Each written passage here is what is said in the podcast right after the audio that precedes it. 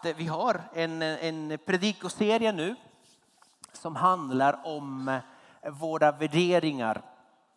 Och mer, eh, det finns sju värderingar vi kommer att prata om och mer än klyschiga fraser eller ord och sådär. Det här är vad vi ser när Gud är i rörelse.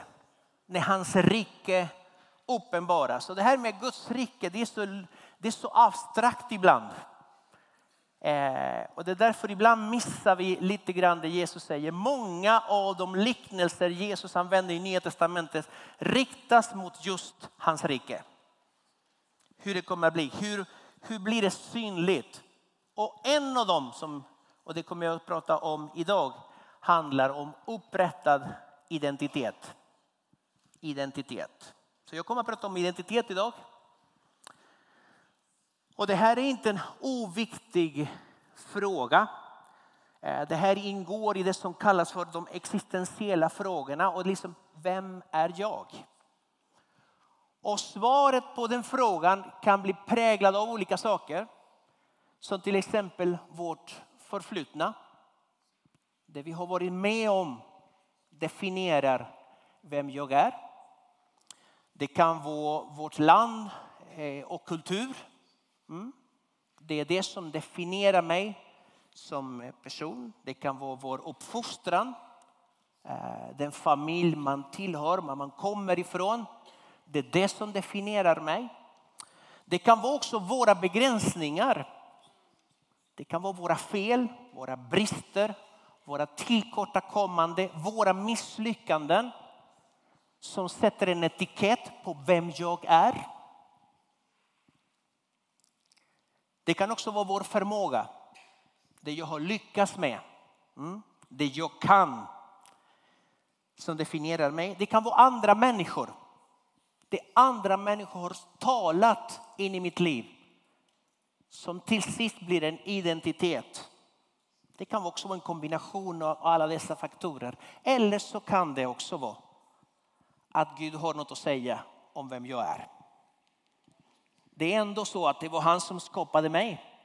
Det var han som satte mig på den här jorden och han har ett syfte med mitt liv. Så jag tror att det kanske är bra att lyssna på vad han har att säga. Det är inte en oviktig fråga det här. Det är på grund av att vi kommer alltid att agera. Vi kommer alltid att tänka. Vi kommer alltid att känna. Vi kommer alltid att tala. Och vi kommer alltid att bete oss utifrån vår identitet. Om du känner att du är ett offer för livet, ett offer för omständigheterna, ett offer eh, för din familj. Du, kom, du föddes i fel familj. Det kommer att bli en identitet och ditt beteende kommer att bli därefter. Och då är det inte så långt ifrån att du kommer att upprepa samma fel och misslyckande som dina föräldrar eller farföräldrar gjorde. Om det är det som är din identitet. Det finns en, en, en fråga som Jesus ställer till sina, till sina lärjungar. Jag skulle vilja att vi läser det. Och det är Matteus evangeliet kapitel 16. Och vers 13 och framåt. Det står så här. Då Jesus kom till trakten av Caesarea Filippi frågade han sina lärjungar, vem säger folket att människosonen är? De svarade, somliga säger Johannes döparen, andra Elia och andra Jeremia eller någon av profeterna. Han sa till dem, och ni, vem säger ni att jag är? Simon Petrus svarade, du är Messias, den levande Gudens son. Jesus sa till honom, salig är du Simon, Jonas son. Ty kött och blod har inte uppenbarat detta för dig utan min fader som är i himlen. Jag säger dig, du är Petrus. Och på denna klippa ska jag bygga min församling och helvetets portar ska inte få makt över det. Över den. När lärjungarna svarar på första frågan, vad folket säger om honom. Människor hade olika uppfattningar om vem Jesus var. Uppfattningar. Mm, han var en profet, han är någon som har dött, som har upp, kommit från de döda. Sådana där grejer. Eh, det var Elia och det var Jeremia eller någon annan. Men det intressanta är när Jesus vände frågan till de som har vandrat tillsammans med honom över tre år. De som kände honom, de som såg undren, de som har ätit tillsammans med honom. Vem säger du, vem säger ni att Jesus är? Du är Messias. Du är den utvalde, du är den smorde, du är den som vi har väntat på. Du är Guds son. Du är människosonen, du är Gud som har gjort sig till människa och kommit till oss med ett syfte. Du är. Och då kommer svaret. Det här är inte en produkt av din analytiska förmåga Petrus. Det här är inte en produkt av din observationsförmåga Petrus, utan det här är en uppenbarelse. Det här är någonting som du har fått av Fadern. Så det är inte en uppfattning, det är en uppenbarelse. Och när Jesus hör detta, han bekräftar, bekräftar att det stämmer, det här är korrekt. Men då svarar han med en uppenbarelse tillbaka. Och du är Petrus. Grejen är att i samma mening säger han Simon, Jonas son. Så det här är lite så här konstigt. Är han Simon eller är han Petrus? Det här är inte första gången Jesus säger till honom att han är Petrus. Första gången sa han när han träffade honom. Det kan vi läsa i Johannes evangeliet. Första gången Jesus träffade honom säger och du är Petrus. Det här är bara en bekräftelse och det han sa från början. Och eh, att Jesus säger att Simon är Petrus, det är inte på grund av att han gillade inte hans namn. Ja, vad heter du Jorge? Nej, du ska kalla dig något annat. Det är inte det. Utan att Jesus talar sanningen om vem Simon är. Simon hade talat sanningen om vem Jesus var. Nu Jesus svarar på samma sätt. Sanningen om honom. Och i det finns ett namn. Det finns din identitet. Det är inte första gången Gud gör så här. Han har gjort det i gamla testamentet också. En Abraham blev Abraham. En Jakob blev en Isak. En Simon blir en Petrus. Simon står för någonting. Hans namn betyder något. Och jag tror att om vi läser första Moseboken kapitel 29 och 33 kan vi läsa var det namnet kommer ifrån. Simon är den grekiska formen av Simeon. Och det står i första Moseboken 29 och 33 så här. Det här är mamma Lea. Och hon blev återhavande och födde en son. Då sa hon, Herren har hört att jag är försmad. Därför har han gett mig denne också. Och hon gav honom namnet Simeon. I andra översättningar istället för försmad står så här. Undervärderad. Underskattad. Föraktad. Ignorerad. Värdelös. Avskydd och i King James version det står så här, hatad. Det här är absolut ingen bra känsla. Det här beskriver en sinnesstämning. Mamma Lea kände sig så och därför pojken fick heta Simeon. Det här är en känsla av att, att vara borträknad, att alltid hamna i skuggan, att alltid hamna sist i kön, att bli förbisedd det, det var Simon. Men nu kommer Jesus och säger, du är inte förbisedd. Du är inte undervärderad. Du är inte borträknad. Du är inte sist i kön. Utan du är Petrus. Du är en klippa. Du är något jag tänker bygga med. Du kommer att bli en ledare, en stenpelare i det jag tänker bygga. Det är något helt annat. Han talar identitet till Petrus. Så att Petrus ses inte själv som en Simon, tänker som en Simon, talar som en Simon och beter sig som en Simon. Utan han börjar tänka som en Petrus, tala som en Petrus och bete sig som en Petrus. Därför Jesus ger honom ett namn som blir mer som ett arbetsnamn.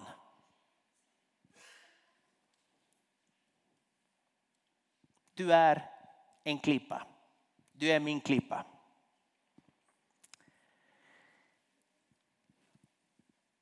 I, i själva texten, det jag, det jag lyfter fram är vilk, vad viktigt det är att vi får rätt gudsbild. Vem Gud är. Vem Gud är. Det är väldigt, väldigt, väldigt viktigt att få rätt insikt om vem Gud är. För att när vi kommer i kontakt med Gud, Gud kommer att göra någonting med oss. Han kommer att förvandla och förändra vår identitet. Att umgås med Gud betyder inte att fortsätta som vanligt. Jag möter Gud och därför fortsätter jag som vanligt. Nej, jag möter Gud och därför går jag åt andra hållet. Han förändrar vårt sätt att tala, han förändrar vårt sätt att tänka och han förändrar vårt sätt att se på oss själva. Min Guds bild kommer att förändra min självbild. Och det är därför när vi säger till Gud, du är Messias, du är den efterlängtade. Gud kommer alltid att säga, och du är Petrus. Gud när vi får en uppenbarelse av vem Gud är kommer Gud att uppenbara saker för oss. Och till exempel sanningen. Sanningen om sig själv, sanningen om vem han är. Sanningen om att han är god, bara god och alltid god. Det finns inget annat. Gud är god därför han kan inte göra något annat än gott. Han kan inte. Han vet inte hur man gör. För att han är rakt igenom god. Det är en sanning. Det andra sanningen är att han älskar oss. Han älskar oss inte ibland när vi sköter oss. En bra dag, en söndag förmiddag till exempel. Utan han älskar oss med evig kärlek. Och evig kärlek, vet du vad det betyder? Konstant. Han kan inte älska oss mer än vad han redan, vad han redan gör. Och han kan inte älska mindre. Det är konstant. Hans kärlek är evig. Det är sanning om sig själv. Sanningen om oss själva. Och vilken är den? Det är att vi är totalt hopplöst förlorade utan honom. Det är sanningen. Ja, men den är inte kul. Ja, men det är sanningen. Utan Gud är vi hopplöst förlorade. Därför sände han sin enda son för att ingen ska gå förlorad utan ha evigt liv. Så utan honom är vi körda, med honom evigt liv. Vänta ett ögonblick, vad ska jag välja? Ja, ungefär där. Sanningen om vår framtid. Han vill tala, Gud talar sanningen om vår framtid. Och det är evigt gemenskap. Och den här gemenskapen börjar inte när vi kommer in i himlen. Det börjar här och nu. Jag kan vandra tillsammans med Gud.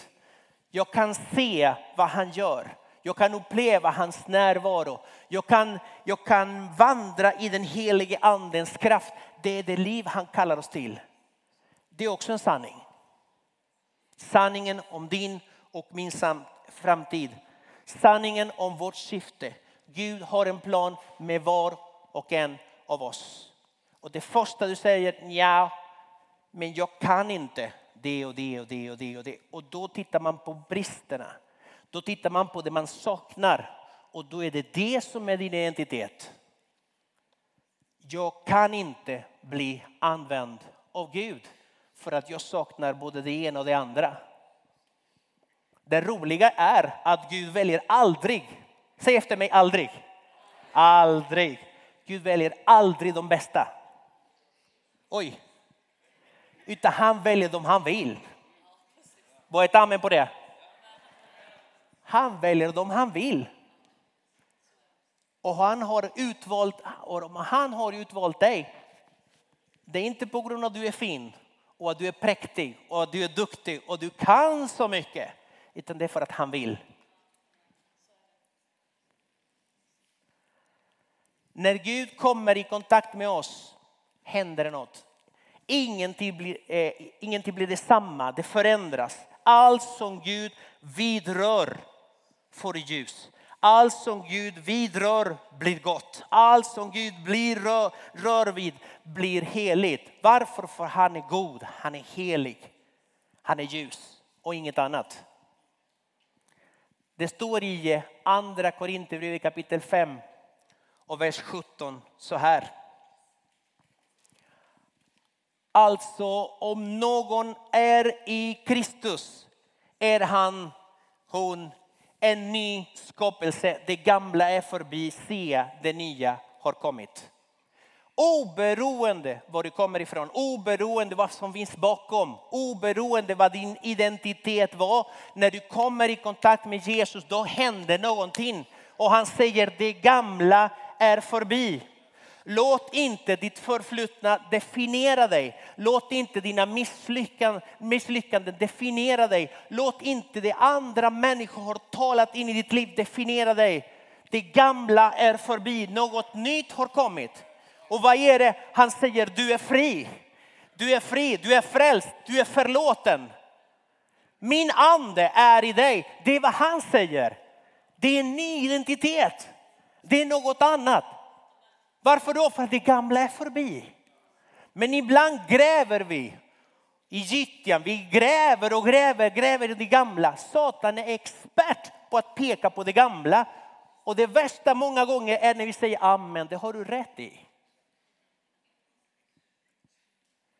Nej, något nytt har kommit. En ny identitet. Herren ger oss tillbaka digniteten. Herren ger oss tillbaka barnens rättigheter. Jag är ett Guds barn, inte för att jag är fin, inte för att jag är duktig, utan för att Gud i sin nåd har fastnat för mig. Jag vet inte varför, för att han älskar mig. Visst är det bra?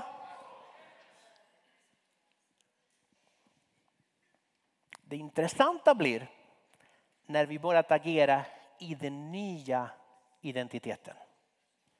Mm när vi börjat agera i den nya identiteten. För att då händer det något. Då händer det något. Eh, Satan frestade Jesus i öknen. Det, den där kan ni. I Matteus 4 och i Lukas 4 läser vi om det. Han frestar honom tre gånger. Men frestelsen i sig handlar inte om han kunde förvandla stenar till bröd eller hoppa därifrån. Det var inte det som var frestelsen. Utan frestelsen var om du är Guds barn. Där ligger. Bevisa för mig. Bevisa för mig att du är Guds barn. Och jag gillar det av Jesus, det är att han går inte ens, han går inte ens in i leken. Varför ska han göra det? För han vet vem han är. Han behöver inte bevisa det för djävulen eller för någon annan. För, för han vet vem han är. Och han har blivit till och med bekräftad lite innan i kapitel 3, både i Lukas och både i, i, i Matteus. Kan vi läsa det här? När att han blir död, precis som, som Rossi gjorde idag. När han kliver ur vattnet öppnas himlen och faderns röst hörs. Och han säger, det här är min son. Det här är min älskade son. I honom har jag min glädje. Har jag min fröjd. Där ligger frestelsen. Att ifrågasätta hans identitet. Och jag tror att djävulen fortfarande gör samma sak. Han ifrågasätter Han ifrågasätter. Frestelserna handlar många gånger om att ifrågasätta vår nya identitet. Och det är därför när man syndar eller man gör något fel. Nej, ja, men jag, jag måste vara Guds rikes sämsta son. Guds rikes sämsta dotter. Jag har lovat Gud det här och faller igen. Nej. Och djävulen säger så värdelös du är. Och då säger vi amen, du har så rätt. Säg inte amen till det här nu. Utan att när djävulen talar på det sättet, vet du vad vi borde göra? Precis som Jesus gjorde. Så står det skrivet. Så står det skrivet. Jag är fantastiskt skapad. Ja, jag är ett Guds barn. Ja, jag gör fel lite här och där, men, åh, men jag ska skärpa mig lite mer. Jag är älskad av Gud. Guds ande är i mig och är andens stämpel. Gud har en kallelse på mitt liv. Gud vill göra något med mitt liv. Gud vill att jag ska vara till välsignelse för andra människor. Så står det skrivet. Det är, det borde vara vårt svar när djävulen frestar oss. Djävulen kommer alltid att ifrågasätta det Gud har talat till dig tidigare. Om Herren har talat saker till dig tidigare, räkna med att det kommer ett ifrågasättande från djävulen kort därefter.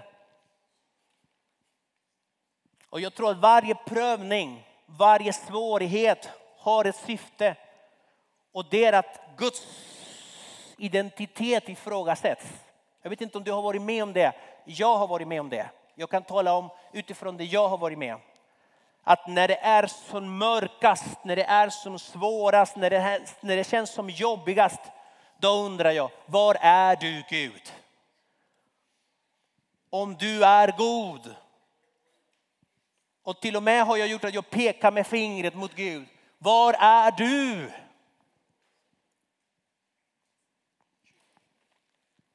Tills en gång, jag sa så här till och med, gör inte det här faktiskt, det här är verkligen ett dåligt exempel. Jag sa, det märks att du inte älskar mig, sa jag till Gud. Ah, jag skäms att jag säger det och jag skäms att jag sa det, men jag gjorde det. Och då Gud sa, han sa inte det men det kändes som att han sa det.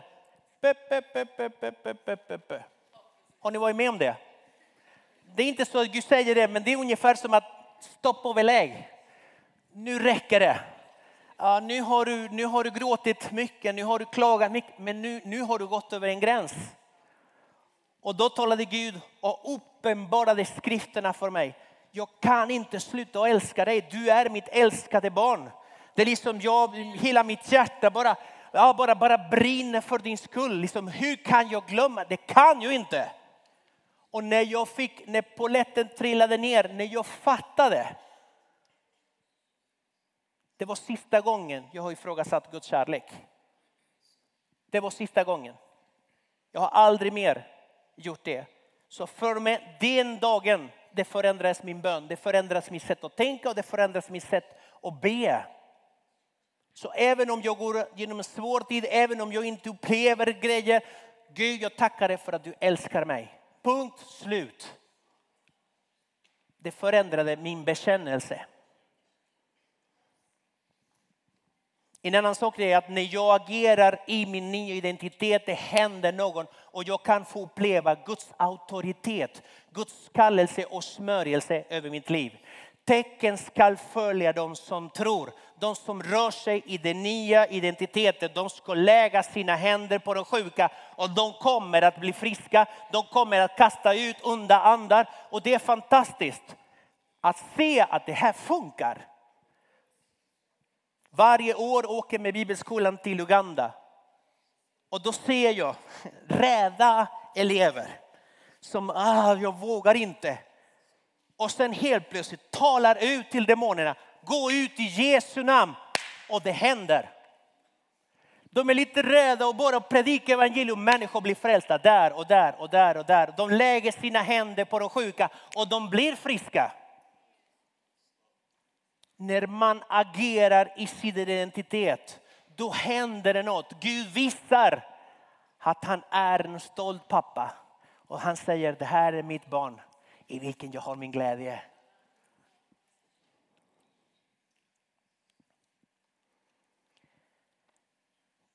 Jag sa tidigare att Gud ger oss ett nytt namn. Med den nya identiteten kommer också ett nytt namn. Och det där nya namnet kan heta Jag är hans. Jag tillhör honom. Det, är, ingår i det nya namnet.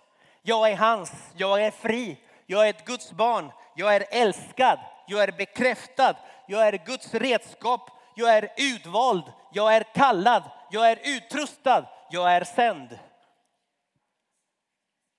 Allt det där finns i ditt nya namn. I ditt nya namn kan heta i Kristus.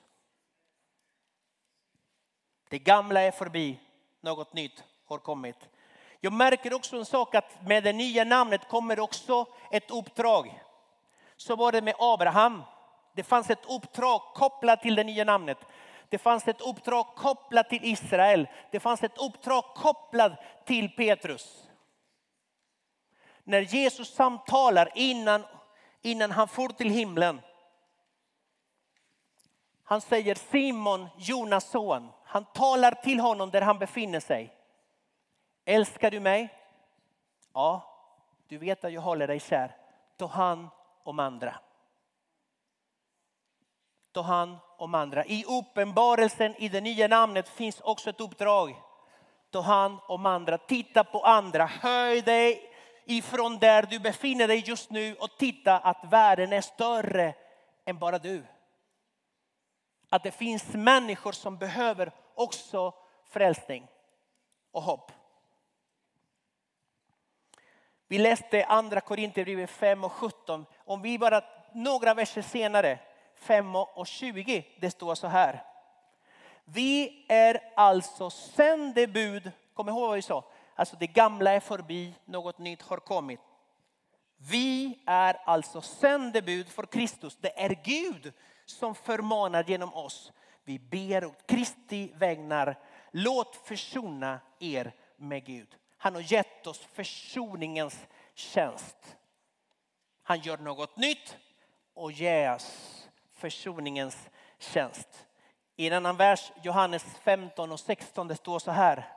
Ni har inte utvalt mig utan jag har utvalt er och bestämt om er att ni ska gå ut och bära frukt. Sådan frukt som består för att Fadern må ge er vad ni än ber honom om i mitt namn. En till bara för att. Bara för att. Första Petrus 2 och 9. Men ni är ett utvalt släkte, ett konungsligt prästerskap, ett heligt folk, ett Guds eget folk. För att, nu kommer syftet, för att ni ska förkunna hans härliga gärningar, han som har kallat er från mörkret till sitt underbara ljus. I den nya identiteten finns det andra människor som vi är kallade till att välsigna. Så i ditt namn, i ditt nya namn, att jag är frälst. Han ger dig försoningens tjänst för att du ska förmedla det till andra. Det du själv har upplevt. Tala om det för andra människor och se att det Gud gjorde i ditt liv kan också han ge det med dina familjemedlemmar. Är det några så här som har bett för sina familjemedlemmar eller som ber? Det är många händer. Det finns många fler som behöver få uppleva Jesus. En förändring i sina, i sina liv.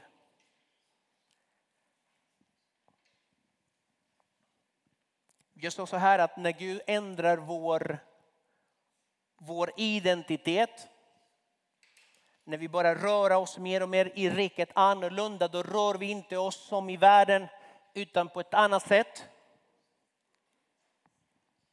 Då flyttar vi fokus från oss själva till andra.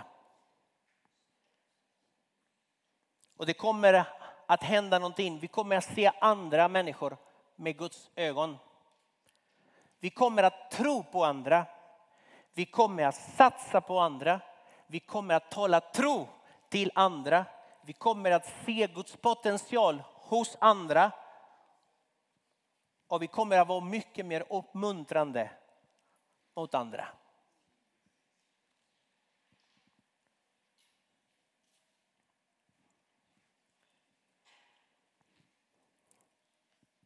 Det sista jag vill, jag vill nämna är att för att vi ska kunna göra det, allt börjar med ett möte med Gud. Allt börjar med ett möte med Gud. Det är i mötet med Herren som saker som förändringen sker. Det är, inte, det är inte bara att jag måste skärpa mig. Det är inte det. Utan det enda jag behöver göra är att komma till Gud. När jag kommer till Gud, effekten av det är att han förändrar mitt sätt att se på honom, mitt sätt att se på mig själv och mitt sätt att se på andra.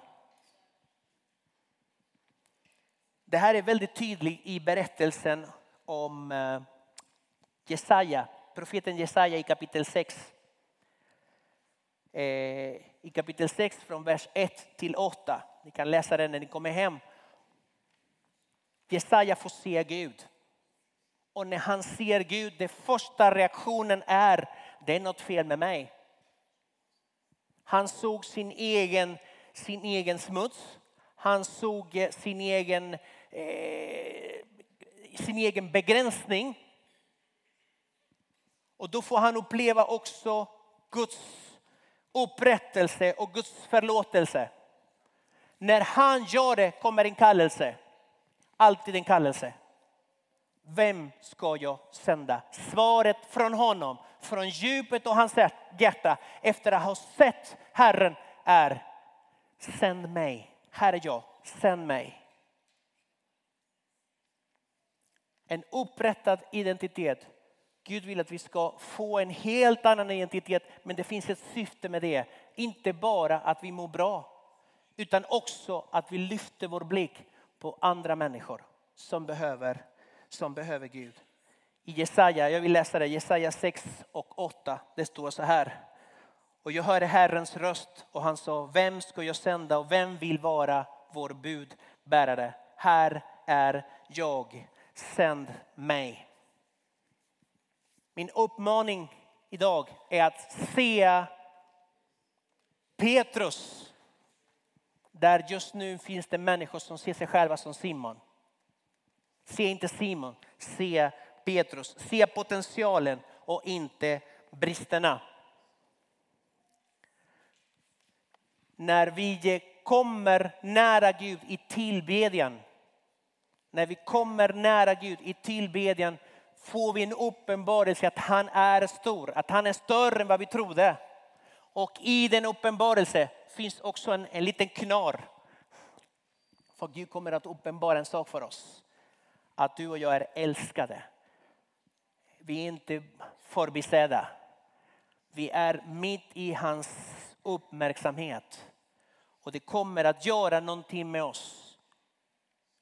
Att jag behöver inte få bekräftelse från andra håll. Jag är redan bekräftad.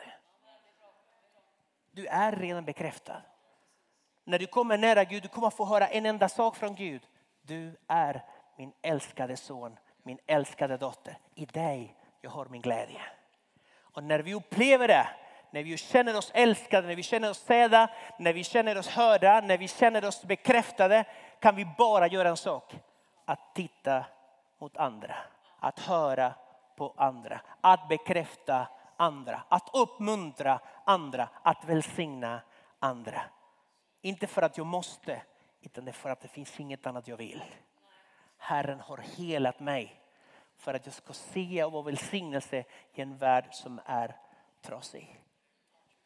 Det var det jag hade på mitt hjärta. Kan vi böja våra huvud lite grann? Om du blundar och böjer ditt, ditt huvud lite så här. Jag tänker prata med med dig om du som inte har tagit emot Jesus. Du som inte har låtit Jesus komma in i ditt liv. Du som inte har sagt till, till honom eh, jag vill att du ska bli min frälsare och min Herre. Jag tycker att vi ska ge en möjlighet till det. Om du vill låta Jesus bli Herre i ditt liv, om du vill att Jesus ska bli frälsare i ditt liv, om du vill få syndernas förlåtelse, om du, får, om du vill få evig gemenskap med Gud. Jag vill be tillsammans med dig. Finns du här? Du kan räcka upp en hand. Jag vill be tillsammans, tillsammans med dig.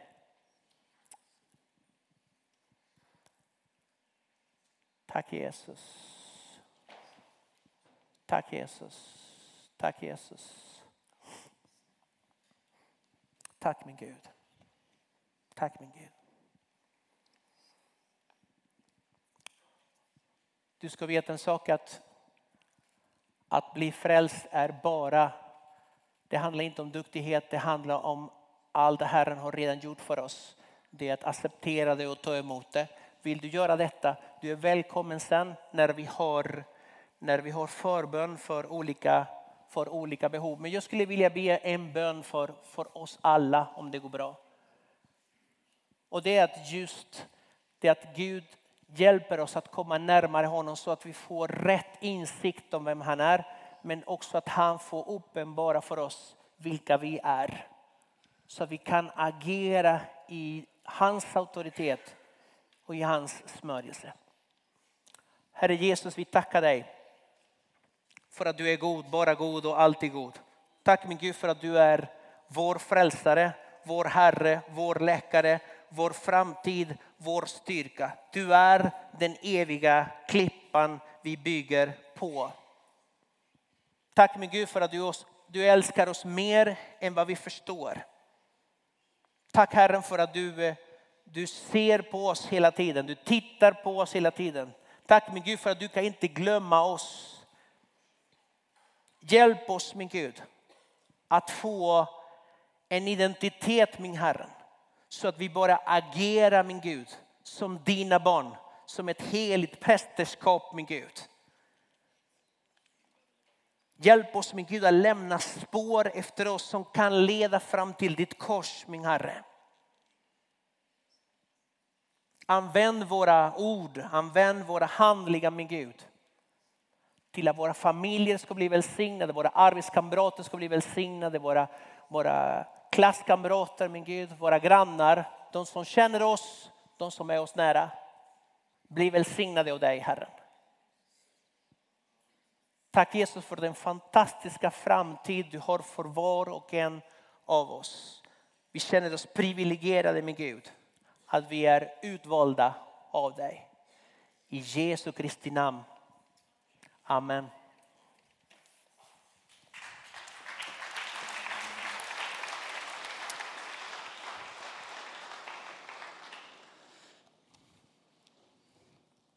När vi har bett på tisdagarna eh, de, de senaste veckorna så har Gud verkligen rört sig bland oss.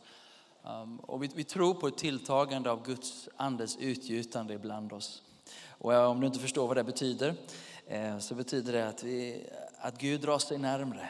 Ehm, det står så här i Jesaja, jag ska göra en, en inbjudan här, vi ska få be för varandra. Det står så här i Jesaja 44. För jag ska utgjuta vatten över det som törstar och strömmar över det torra.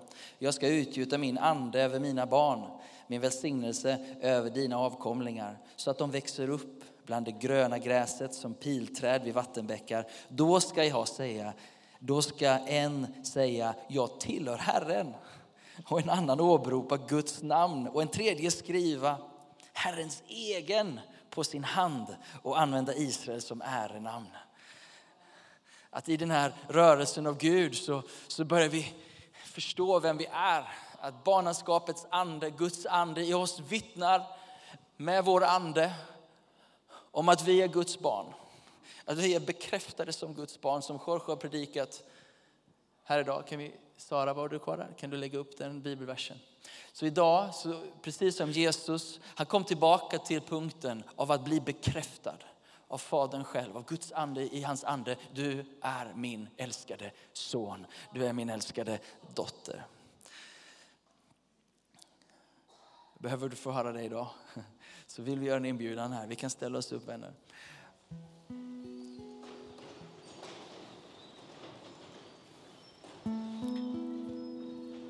Och vi ska välkomna Guds ande att röra sig fritt ibland oss. Eh, och platsen här framme är, är öppen för dig. Och, och, och vi tänkte att vi gör så här att vi i Bibeln så symboliseras den heliga ande av olja. Det är ingen magisk olja det här, eh, men det är olja. Och du vet någonstans med dig att i den här tiden och det som ligger framför så behöver du igen bli bekräftad att du är Guds barn, att du är älskad, att du tillhör honom. Idag när vi smörjer dig med olja så smörjer vi inte dig till tjänst primärt utan till barnaskap. Med vetskapen i ditt hjärta att du tillhör honom. Vi ska smörja dig på pannan. Att anden själv ska börja tala med din ande om att du är Guds barn. Ska vi smörja dig på handen som ett tecken på att du tillhör honom. Om du behöver det idag så är du välkommen fram här framme. Förebedjare och andra så kommer vi smörja dig med olja och välkomna den helige Ande att ge dig bekräftelse igen. Ibland behöver vi det igen. Du kanske har gått med Gud länge men du behöver det igen för den tid som kommer, för den tid som är. Du behöver få höra det.